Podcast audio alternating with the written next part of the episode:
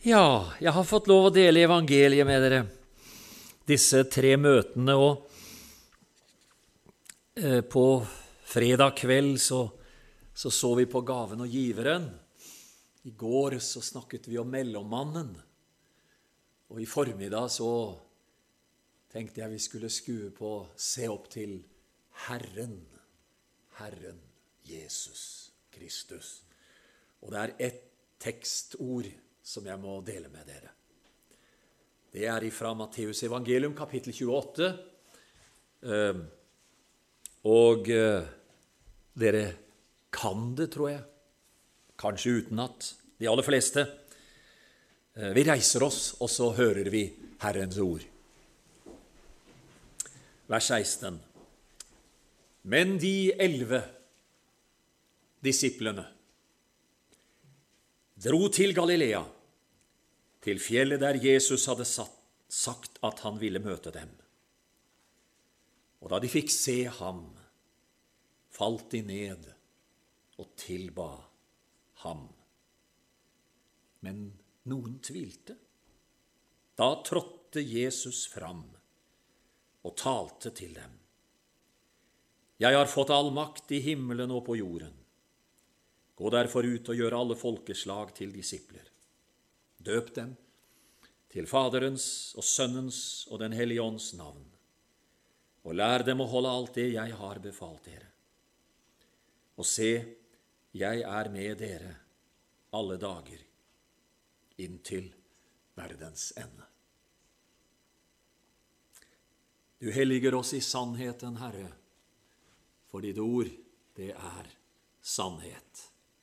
Hjelp meg å tale rett om deg, og velsigne oss alle til å tro og ta imot. Amen. Vær så god, ta plass.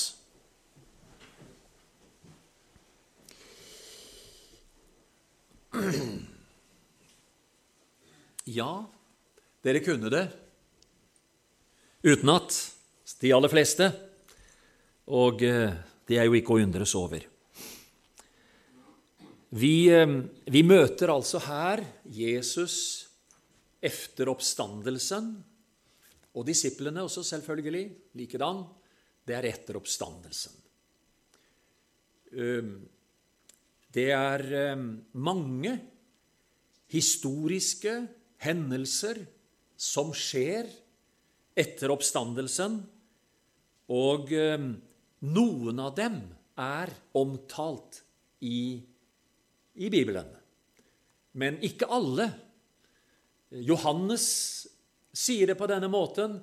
Mange og meget mer kunne vært skrevet om det som Jesus gjorde, men disse er skrevet ned for at dere skal tro at Jesus er Messias, og at dere ved troen har liv i hans navn.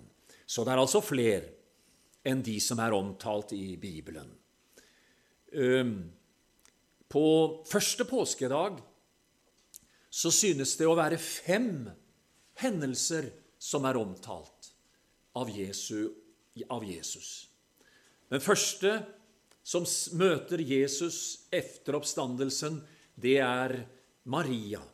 Maria Magdalena. Hun møter Jesus ved graven. Hun har vært sammen med de andre kvinnene, men reiser tilbake for å alarmere Peter og Johannes da de ser den åpne graven. De andre kvinnene er ved graven, de ser engler og snakker med dem, men likevel forlater graven. Og så kommer Peter og Johannes og kommer til graven. De løper, står det. Ehm, og eh, de eh, går tilbake derifra men Maria hun går tilbake til graven igjen og er da kommet tilbake dit alene og står ved graven, der Jesus åpenbarer seg for henne som den levende og herliggjorte Frelseren. Det er et vakkert møte med Jesus som er omtalt og beskrevet i Johannesevangeliet. Eh, den andre åpenbaringen, det er altså de andre kvinnene de er på vei fra graven, står det, men de møter Jesus og eh, tilber ham og samtaler med ham. De blir minnet om hva han hadde sagt før sin død, og eh, de får beskjed om at de skal si ifra eh, om at han er oppstått, og at han skal gå i forveien for dem til Galilea, og der skal de møte ham. Det er den andre åpenbaringen. Første påskedag. Den tredje åpenbaringen det er en som ikke det er skrevet noe særlig rapport om, men vi vet at det har skjedd, og det er omtalt to steder. For det første sier disiplene til eh, Emmaus-vandrerne når de kommer tilbake fra Emmaus, at eh, Herren er sannelig oppstått, og han har, er sett av Simon, eller Simon har møtt ham. Eh, og eh, Paulus omtaler også dette møtet som Jesus har med Peter. Og det er jo en vakker tanke å tenke at han som gikk så Ja, hva skal vi kalle det? Snublet så totalt langfredag og bannet på at han ikke kjente Jesus. Han får en vidunderlig Eh, møte med den oppstandende første påskedag. Det tredje møtet med den oppstandende det har Emmaus-vandrerne, de som er på vei fra Jerusalem. Det er veldig spennende å lure på hvem er det hvem er disse to? Kefas, eh, Kleopas eh, eh, Den andre, hvem er nå det? Eh, Navnet står ikke. Eh, noen kan ha gjettet på at det kan være kona hans. Noen kan ha gjettet på at det kan være sønnen hans, som var en disippel av Jesus, men ikke av de tolv. Vel, vel, vi vet ikke det. Men i alle fall, de får møte med Jesus på veien fra Jerusalem til Emmaus og når eh, de inviterer Jesus til å komme hjem, eh, og Jesus setter seg ved vertens bord, eh, så tar han brødet og bryter det, og da blir deres øyne åpnet så de kjenner ham igjen, og han blir usynlig for dem. Og de blir altså så inspirert og så glade at de, drar tilbake igjen til Jerusalem, og på kvelden så står det at disiplene og de nærmeste ellers, de er samlet, og bak de stengte dørene, da de har vitnet om at Herren er oppstått, så møter han dem personlig.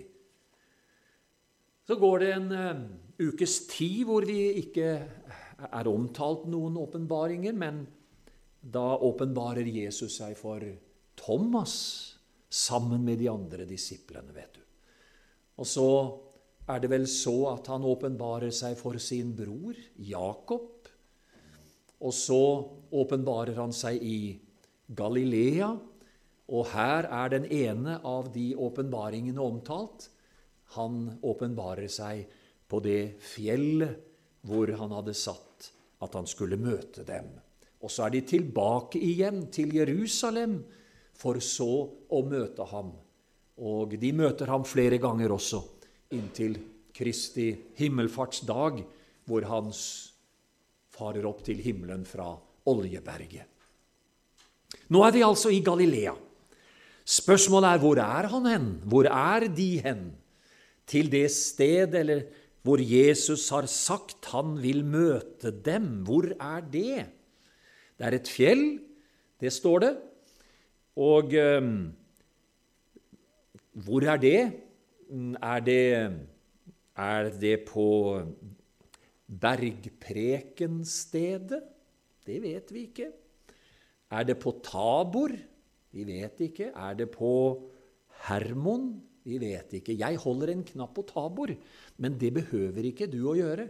Men uh, jeg, jeg, tenker meg at uh, det måtte vært et høvelig sted. Nei, det er ikke bare det, men jeg tenker det må ha vært et sted hvor de har vært før, og nå møter de ham De,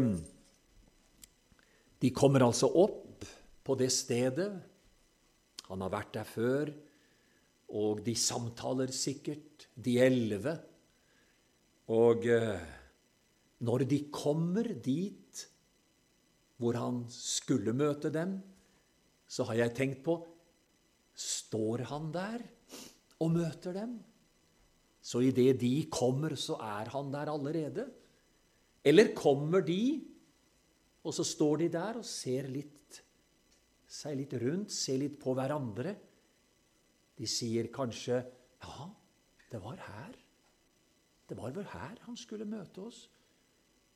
Og, og, og der og der er han. Der står han. Der er han. Jeg vet ikke. Det vet Du forstår.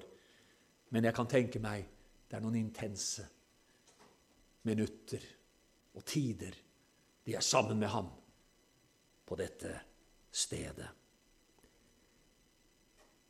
Det ser ut til å være i to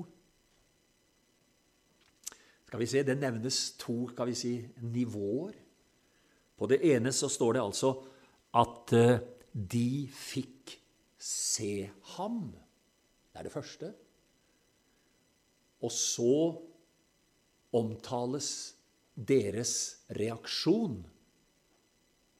Og der de reagerer på tre måter. Og etter det så står det 'han trådte fram'. Det er så majestetisk vakkert. Han trådte fram. Men hvordan reagerte de? Ja, For det første så står det at de falt ned for ham. Spørsmålet er er det Er det slik at de faller ned for ham i en avmakt? At det gjør at de, de kjenner at de klarer ikke å stå, så de faller ned. Eller er det slik at når de ser ham, så er det å falle ned for ham en viljens handling, hvor de kjenner der passer vi best. Se poenget? Kanskje det siste. Kanskje de kjenner seg ikke vel å stå. De kjenner seg vel med å knele, falle ned for ham. Eh, den andre reaksjonen som er omtalt, det er de tilba ham. En vakker reaksjon, det også. Jeg kjenner meg veldig hjemme i begge, i begge dette med å falle ned for ham og det å tilbe ham. Du hører jo dette lille 'tilbe'.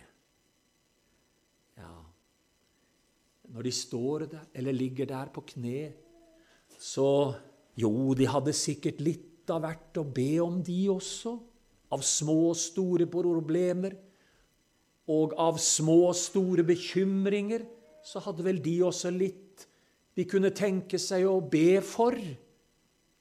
Men akkurat der og da så blir jo ikke deres små og store bekymringer noe å Nei, de blir faktisk ikke opptatt med det i det hele tatt.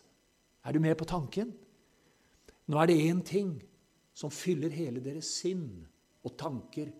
Det er ham som står der i sin majestet og i sin velde. Så de kjenner seg best tilfreds med det er én ting vi må gjøre. Vi glemmer oss sjøl, og så hyller vi Ham som er oppstått, og som er livet. Amen. Halleluja. Amen. En tredje ting er også nevnt. Men noen tvilte.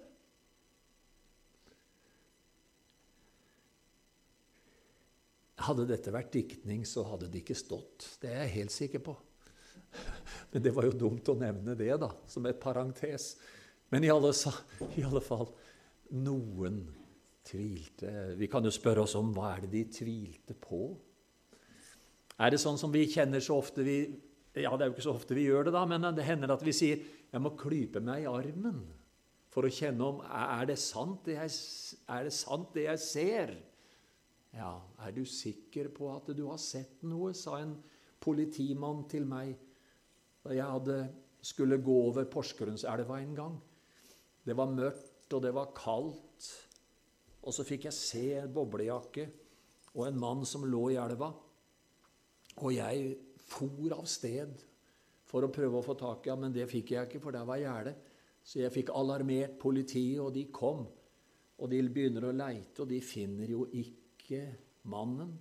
Så kommer en dame, politidame, da, og ser meg inn i øynene, og så sier hun, 'Er du sikker på du har sett noe?' Så tenkte jeg, nå får jeg Nå får jeg Nå kan jeg ikke si mer enn at 'Jeg er så sikker som jeg kan', sa jeg. Ja vel, sa hun. Så fant de lenger nede, og han berget livet, så dere vet det også, da. Men nok om det. Noen tvilte.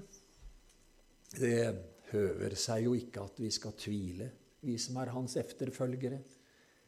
Men tenk, det kan også snike seg inn. Men så har jeg lyst til å si selv de som tvilte, tilba. Amen. Deres tro var ikke fullkommen, men de tilba. Så om ikke du er helt 100% fornøyd med deg sjøl og ditt eget kristenliv også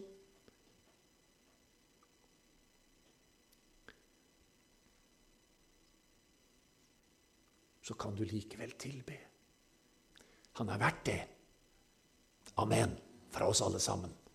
Han er verdt det fra oss alle sammen. Husker dere, dere som har levd en stund, da? Husker dere navnet Einar Lundby? Han var distriktslege borti Brumunddal.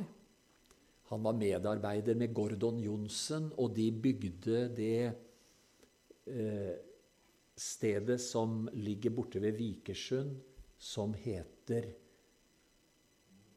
Modum Bad. Modum Bad. Modum Bad. Gordon, eller altså Einar Lundby, han var en veldig spesielt utrustet person. Veldig spesielt utrustet. Han var Som kristen så, så hadde han eh, en, et, et lyttende hjerte og tok imot mange påminnelser av Den hellige ånd. Og eh, ble brukt til rik velsignelse. En gang så skulle han holde en preken eller et tale på Universitetet i Oslo om kristendommen. Han skulle holde det for professorer og studenter. Og så kalte han talen for 'På tusen favners dyp'. Og eh, så sier han noe som jeg, jeg leste den preken, eller talen. Og så måtte jeg huke merke i én liten setning som han sa. Uh, han siterte av Jesus i Johannes kapittel 7, hvor Jesus sier, 'Dere som vil gjøre Hans vilje, skal kjenne om læren er av Gud'. Du, vet, du husker det fra Johannes kapittel 7. Den som vil gjøre Hans vilje, skal kjenne om læren er av Gud, eller om jeg taler av meg selv. Og så sier Lundby Legger dere merke til at det står 'den som vil gjøre hans vilje'? Den som vil gjøre det. Det står altså ikke at den som har gjort det, men den som vil gjøre hans gjerning. For, sa han, som kristen så vil vi alltid kunne komme til å føle på tilkortkommenhet som kristne. Men Jesus har ikke bare knyttet løftet til fullgod gjerning, men han har knyttet sitt løfte til de som vil gjøre hans gjerning. Amen. Halleluja.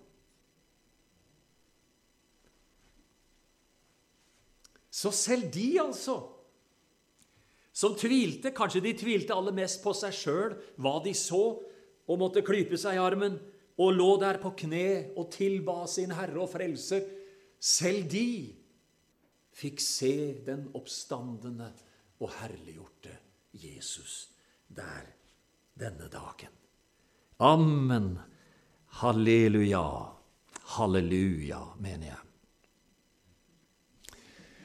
Det er flere måter å si halleluja på, vet dere. Ja, ja. Det er pinsevennersk. Det er det trøkk på første stavelse. Vi går høyt ut med en gang, vi, vet du. Det er halleluja. Og så er det Frelsesarmeen. Det er opp på slutten. Det er halleluja, sier de i Frelsesarmeen. Og så er det den kjente og kjære halleluja. Ja, Og så har jeg hørt på Vestlandet, der sier noen og du og du. Ikke sant? Og nå er det noe nytt igjen på gang. Det er det når vi skal si halleluja nå, så klapper vi i hendene. Når vi hører noe salig og noe godt. Og eh, det er brukbart alt sammen. Takk og lov. Nå går vi tilbake til teksten. Jesus sier to ting i denne, denne teksten som vi har foran oss her i dag. Han sier to ting. For det første så taler han om seg selv. Og for det andre så taler han om oss. Amen. Hva sier han om seg selv? Om seg selv så sier han det han hadde sagt tidligere også. Men det var godt å bli minnet om enda en gang. Han sier, 'Meg er gitt all makt i himmel og på jord'. Jeg sier ja, han hadde sagt det før. Han hadde sagt det i Matteusevangelium, det ellevte kapittel.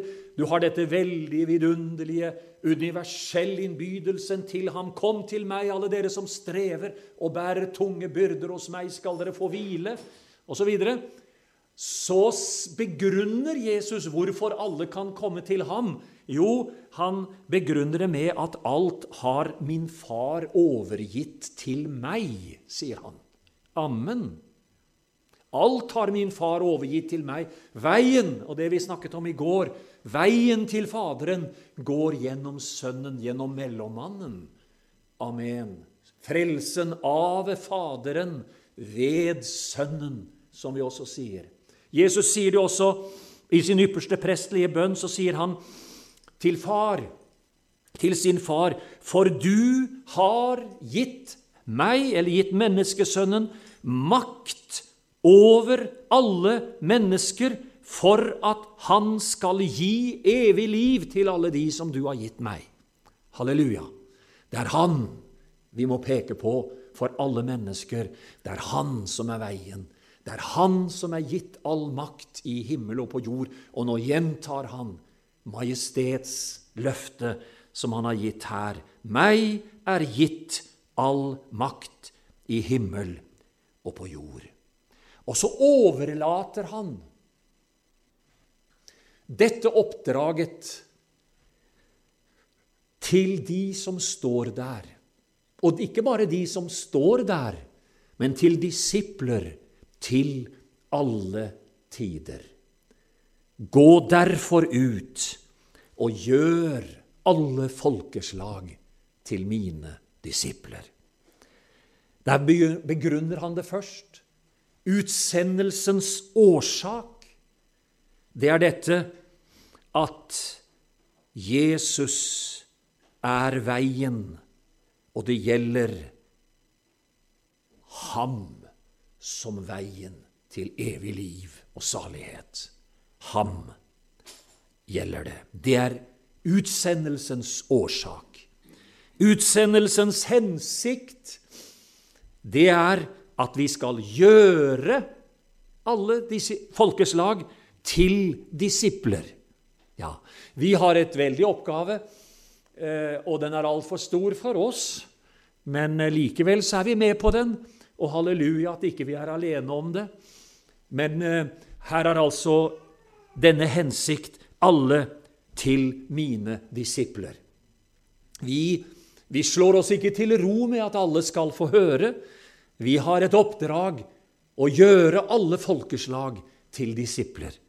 Og det tredje, det er at eh, alle Det handler om, det handler om eh, oppgavens mål. Det gjelder alle mennesker. Det gjelder alle folkeslag. Og så kommer han med noe nytt, for så vidt. Ikke for oss, men det er noe nytt i forhold til det oppdraget som vi har fått. Gå derfor ut og gjør alle folkeslag til disipler. Og så sier han idet dere døper dem. Derfor kaller vi dette to ting. Derfor kaller vi dette misjonsbefalingen, men vi kaller det også dåpsbefalingen. Jesus har gitt faktisk to eh, ja, i andre sammenhenger enn oss så kaller de det nådemidler. Eh, det er to saliggjørende handlinger for oss. Den ene skal gjentas og gjentas og gjentas inntil inntil vi skal gjøre det i den evige verden. Det handler om nadværen, eller brødsbrytelsen. Den innstiftet han før sin lidelse og død. Dette innstiftet han efter sin lidelse og død og oppstandelse. Dåpsbefalingen. Og eh, du vil selvfølgelig ikke bli overrasket over at når jeg skal si noe om dåp, så sier jeg jo det slik som vi tror som pinsevenner. Og hvis du ikke hører til menigheten her, så er du selvfølgelig ikke overrasket for å høre hva pinsevennene tror og lærer. Ikke sant? Så det er naturlig å gjøre. Døper dem. første vi merker oss, det er dette vi døper dem. Vi døpes til Faderens, Sønnens og Den hellige ånds navn. Ja. Eh, jeg har hørt innvendinger imot det. Ja, det er ikke Det står bare én gang, er det noen som sier. Ja, Og det skulle altså være grunn for ikke å gjøre det? Kan jeg jo aldri innbille meg. Bibelen sier også at vi døpes til Kristus. Bibelen sier også at vi døpes til det Jesus har gjort. Amen. Vi døpes til hans død. Hans oppreises hans oppstandelse. Ja, så gjør vi det, da. Så tar vi med oss alle de tre, i alle fall tre, eh, eh, begrunnelsene for at vi skal døpes til eller i de tre. Det er inngangen til disippellivet vi snakker om her. Kristenlivets inngang eller begynnelse. Jeg, for å si det sånn, jeg døper meg ikke. Jeg lar meg døpe. Ikke sant? Jeg eh, merker meg flere ting som kan være godt å ta med seg i denne forbindelsen. Vi eh, Og når jeg bruker dette uttrykket 'vi lar oss døpe', så er det viktig å høre etter, fordi det handler om en lydighet. Å la seg døpe. Uttrykket er brukt i apostlenes gjerninger. De lot seg døpe døpe. Vi merker oss videre at dåpen er et tegn på den pakt vi døpes til. Den pakt vi tror på. Vi døpes altså til det Jesus har gjort for oss. Halleluja. Vi døpes til det Jesus har gjort. Den nye pakt som Jesus, apostelen, nevner. Apostlene nevner. Dåpen er altså et paktstegn på det. Eh, jeg bærer også med meg et paktstegn. Det gjelder en annen pakt. Jeg bærer med meg en tegn på ektepakten som vi har, Berit og jeg. Og ektepakten og dåpspakten har mange likhetspunkter. Um, når vi um, sto der for um, vigselmannen, så ble jeg som brudgom spurt først vil du ha henne. Og da var det ett ting jeg skulle svare. Jeg svarte ja. Jeg kunne jo ikke begynne å diskutere da. Jeg kunne jo ikke si f.eks. ja hvis hun sier ja, så. Ikke sant? Men eh, jeg sa ja, så jeg svarte i tro. Og hvis jeg forter meg å ta det over på dåpen For 2000 år siden så sa Jesus ja. Amen. Han sa ja til alle mennesker på korset. Han sa ja til alle.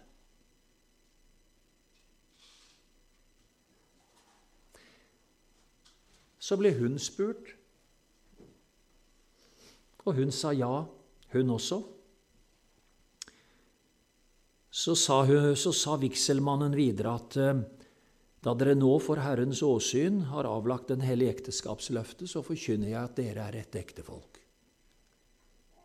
I Faderens, Sønnens og Den hellige ånds navn. I det øyeblikk var hun og jeg hverandres nærmeste pårørende. Før vi hadde sagt ja til hverandre, så hadde hennes foreldre vært hennes nærmeste pårørende. Henger dere med? Unnskyld, dere har vært med på dette, dere òg vel? De mange av dere? Ikke sant? Ikke sant? Slik er evangeliet også. Den som sier et ja til Jesus, halleluja, den som tror og blir døpt, ja, vent litt, skal bli frelst. Den som ikke tror, skal bli fordømt. For efter at Berit og jeg, da, etter at hadde sagt hverandres ja, så hørte vi hverandre til. Amen. Men da sier vigselmannen, nå kan dere ta, fram, ta på dere ringene. Og det skal være et vitnesbyrd om at dere ja, jeg husker ikke akkurat ordrett, og dere skal høre hverandre til. Og det bærer vi på oss. På samme måten er dåpen. Amen. Det er et paktstegn. Det er altså ikke slik at vi, Gud, eller at Jesus har innstiftet dåpen for å hjelpe oss, altså for å, for å frelse oss i dåpen, men det er for å hjelpe oss. Det er en gave vi får. Det er ikke et krav, men det er en gave vi får. Og når vi døpes, så blir vi døpt i Faderens, Sønns og Den hellige ånds navn. Vi blir døpt til Kristus. Vi blir døpt til det Han har gjort, senket ned i vannet. Og du ser likheten med det som pakten inneholder tegnet tegner jo det samme som pakten i det vi døpes til hans død, og vi reises opp igjen for å leve det nye livet med Jesus. Halleluja. Og så har vi det som en personlig erfaring i den troendes liv. Takk og lov og pris for det. For en gave! Akkurat sånn som når brudgommen blir spurt nå skal de sette på ringene, så er det vel kanskje brudgommens eh, eh, forlover som drar den fram, ringene fram, og så legger den fram. Jeg hadde en vielse en gang i en kirke på Vestlandet, og da fikk vi oss en skikkelig overraskelse. For idet jeg sa nå skal dere sette på dere ringene, så lettet det et mikrofly Jeg vet ikke om det heter det. Oppe på Hva heter det der bak, hvor orgelet er? Galleri Hva? Sakke... Nei. Ålreit, da sier vi galleri. Og så kommer det flyvende gjennom luften. Og denne gutten som satt og styrte det, var en tolvåring. Han satt og styrte den, og i en tråd så hang ringene. Og eh, forloveren klipte av trådene og leverte ringene til brudgommen. Og så ble det satt på ringer. Kan tro det var nok Det gjorde så inntrykk med at jeg forteller det til dere her i dag. altså. Og så lettet flyet igjen, og så forsvant det opp i galleriet igjen. Ok. Eh, hva er det jeg ville ha sagt? Jo, jeg ville ha sagt dette at eh, på alle måter så er dåpen en gave til den troende. Ja. Den gaven, den er så god at faktisk i Berits ring så står det skjult, riktignok. Men det står der, gravert inn i gull. Og der står det 'din Øystein'. Det er jo en forkynnelse. Men til hvem er denne forkynnelsen gitt? Det er jo til henne. Ikke sant? På samme måten er dåpen en forkynnelse til deg som lot deg døpe, eller deg som lar deg døpe. Det er en gave du får. Amen. Hvor du døpes Faderens, Sønns og Den hellige ånds navn. Du døpes til Kristus. Du døpes til det Jesus har gjort. Du kan jo ikke Jeg hadde nær sagt det kan jo ikke bli bedre. Halleluja. Halleluja for det. Halleluja for det. Ja, tenker du kanskje Hva skal jeg gjøre da, som, som er døpt som barn? Og da syns jeg det er veldig naturlig å si at en barnedåp bærer barnevelsignelsens kjennetegn. For jeg behøver jo ikke å gå i strupen på barnedøpere sånn med en gang. Vi har vært flinke til det, vi da, pinsevennene. Vi har sagt det er vranglære. Eh, og eh, det er jo det å si at vi tror at dåpen hører til den troendes erfaringsliv. Amen. Og vi tror at det er en god gave som Herren har gitt oss i dåpen. Og vi kan få lov å si et ja til denne gaven som Han rekker ut til oss. Halleluja. Hva barnedåp angår, altså, så ser jeg for meg hva er det som skjer i barnedåpen. Man blir båret. Ja, det var det som skjedde da de bar små barn til ham, for at han skulle velsigne dem. Og de ber for barna. De ber for foreldrene. De ber for hjemmet. Men som dåp betraktet så kan vi kanskje si litt fort at det er lite vann. Det er veldig lite vann. Det er jo én ting. men ikke bare det. Den eh, har ikke dåpens eh, innhold med seg. Som gave til den troende er den gitt som en erfaring efter at du er kommet til troen. Amen. Halleluja. Og så Hva skal du så gjøre? Så kan du tenke at ja, ja, det var godt mor og far gjorde så godt de kunne, og så får jeg lov til å følge Jesus og la meg døpe, og tar imot den gaven som dåpen er. Ja. Hva står det mer i denne teksten her, da? Ja, da sier Bibelen videre ja, Kanskje jeg skulle tatt med meg at uh, det er faktisk sånn at også i Det gamle testamentet, eller at, at Det nye testamentet bruker uh, hendelser fra Det gamle testamentet som, som uh, som hendelser som er forbilder på dåpen i det nye. Og vi kan se tre slike hendelser i Det gamle testamentet som er som er eh, hendelser som, som, sier noe om dåpen i det nye. For det første så nevnes eh, omskjærelsen.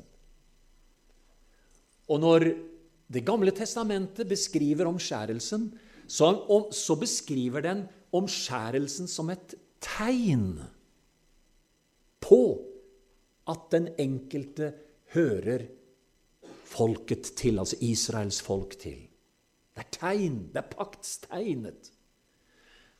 Og når apostelen Paulus underviser om dåpen i det nye, og sammenligner den med omskjærelsen, så er den veldig klar på at Abraham han var rettferdig lenge før han fikk paktstegnet. Er dere med? Altså, rettferdiggjørelsen hadde skjedd lenge eh, før du var kommet, før du fikk paktstegnet. Er du med? Så det er så viktig å ha med seg at han var rettferdiggjort lenge før paktstegnet ble gitt. Slik er det også i Det nye testamentet. Rettferdiggjort av troen har vi fred med Gud ved vår Herre Jesus Kristus. Og så kommer dåpen som paktstegnet, som en gave vi får etter at vi har kommet til troen. Det andre bildet som blir brukt, det er om Noah og arken.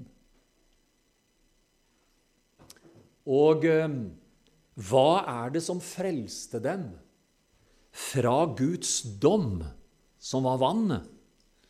Det som frelste dem, var at de hadde flytta inn i arken.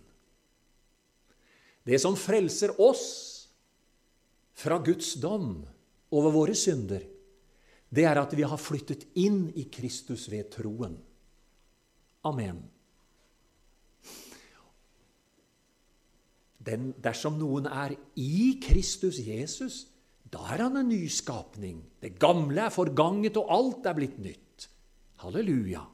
Da har vi flyttet inn i Kristus ved troen og tatt imot Jesus som, som, som arken i, den, i Det gamle testamentet. Vi kom inn i Kristus Jesus, og der er vi uten fordømmelse vi er i Kristus Jesus. Men det som fjerner Det som fjerner eh, oss eh, Men arken fjerner oss ifra den verden som er under fordømmelsen. Amen. Slik beskrives altså vannet i forbindelse med arken. Vannet det skilte dem fra den gamle verden. Vi har kommet inn i en ny sammenheng, i den nye verden. den evige verden. Det tredje bildet det er brukt om Israels folk i Egypt. Og eh, der står det at det som frelste Israels folk og andre folk som trodde på evangeliet som ble forkynt Og evangeliet som ble forkynt, det var dette dere skal ta et lam. Det skal det slaktes. Det skal dere ta blod og stryke det på dørstolpene og på dørtreet øverst. Og så skal dere sette dere bak disse dørene, og når domsakten, domsnatten, kommer, så skal domsengelen se blodet og gå dere forbi. Amen. Slik ser Gud på den som er i Kristus Jesus. Og hva er det han ser på? Han ser på Jesu fullbrakte frelsesverk. Og bak det frelsesverk er du og jeg trygge. Halleluja. Og de som ble frelst, de dro ut ifra Egypt. Men så kommer jo egypterne efter dem. Og da ble vannet delt. Rødehavet ble delt. Og Israels folk dro gjennom som på det tørre land. Og da egypterne prøvde på det, da druknet de.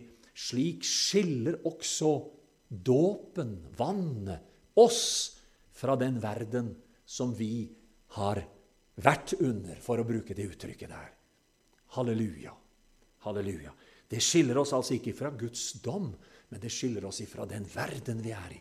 Og det merker du også. Dåpen har en innflytelse, amen, på, på og for oss alle sammen. Jeg går nå, skal finne en landingsplass nå. Så sier Jesus til disiplene, nå må dere lære dem å holde alt det jeg har befalt dere. Her hører du disippelskapet. Og det er derfor vi har menighet, dere. Vi skal få lov å komme sammen. Og så skal vi hjelpe hverandre på troens vei. Så skal vi undervise hverandre. Og så skal vi dele livet, det troendes liv, med hverandre. Lære dem å holde. Jeg, synes, jeg er så imponert over evangeliet, dette uttrykket. Det er ikke bare det at det er en teori som vi skal lære. Det er ikke bare en teori vi skal lære. Vi skal lære en holdning. Lær dem å holde alt det jeg har befalt dere. Og det kan vi godt si det er ikke gjort på én dag. Nei, det er ikke gjort på én dag, men det er godt vi får lov å være på vei og underveis på vandringen og lærer dem å holde. Det er et disippelforhold. Vi knyttes til Kristus, vi knyttes til, til fellesskap i menighet og vi knyttes som en modellæring. Og jeg må si det at uh, som en ung troende så lærte jeg ikke bare av det som ble sagt ifra talerstolen, men jeg lærte av at jeg så troende mennesker i forsamlingen, og jeg så noen som levde troens liv. Ikke sant? Og uh, jeg kunne lære av de og iaktta deres liv og ja, gjerning. Ok, lær dem å holde. Og så kommer det siste ordet, da. Og se, jeg er med dere alle dager inntil verdens ende. Og det får være avslutningen. Jeg husker uh, Egil Strand, som var predikant og redaktør i Korsets seier i gamle dager. Han prekte i evangeliehuset, og så sa han Det her, sa han, det er ikke bare en garanti. Unnskyld meg, det var det jeg skulle ha sagt. Dette er ikke bare et løfte, sa han. Dette er ikke bare et løfte at han er med oss alle dager. Dette er en garanti for Guds folk. Jesus har garantert han vil være med deg alle dager inntil verdens ende. Halleluja. Skal vi takke Herren i sammen? Far og Frelser, takk for ditt ord er levende og virker kraftig. Og det trenger igjennom og klever sjel og ånd, leder mod og marg og dømmer hjertets skjulte tanker og råd. Jeg takker deg, kjære Jesus, for du har lovt dette du sa til disiplene den gang. Og du ba ikke bare for dem, men du ba også for dem som ved deres ord kom til tro på deg. Og her sitter vi i dag i Eikenosvåg, og du ser oss og kjenner oss. Og ikke bare kjenner du oss som menighet, men du kjenner oss som enkelttroende. Og du vil velsigne den enkelte til å gå fram på troens vei. Og du har lovt å følge oss hele veien. Vi takker deg for det. Og så ber vi deg, Hellige Ånd, at du lar ordet ditt være levende for oss, og lar oss følge deg veien videre. Amen.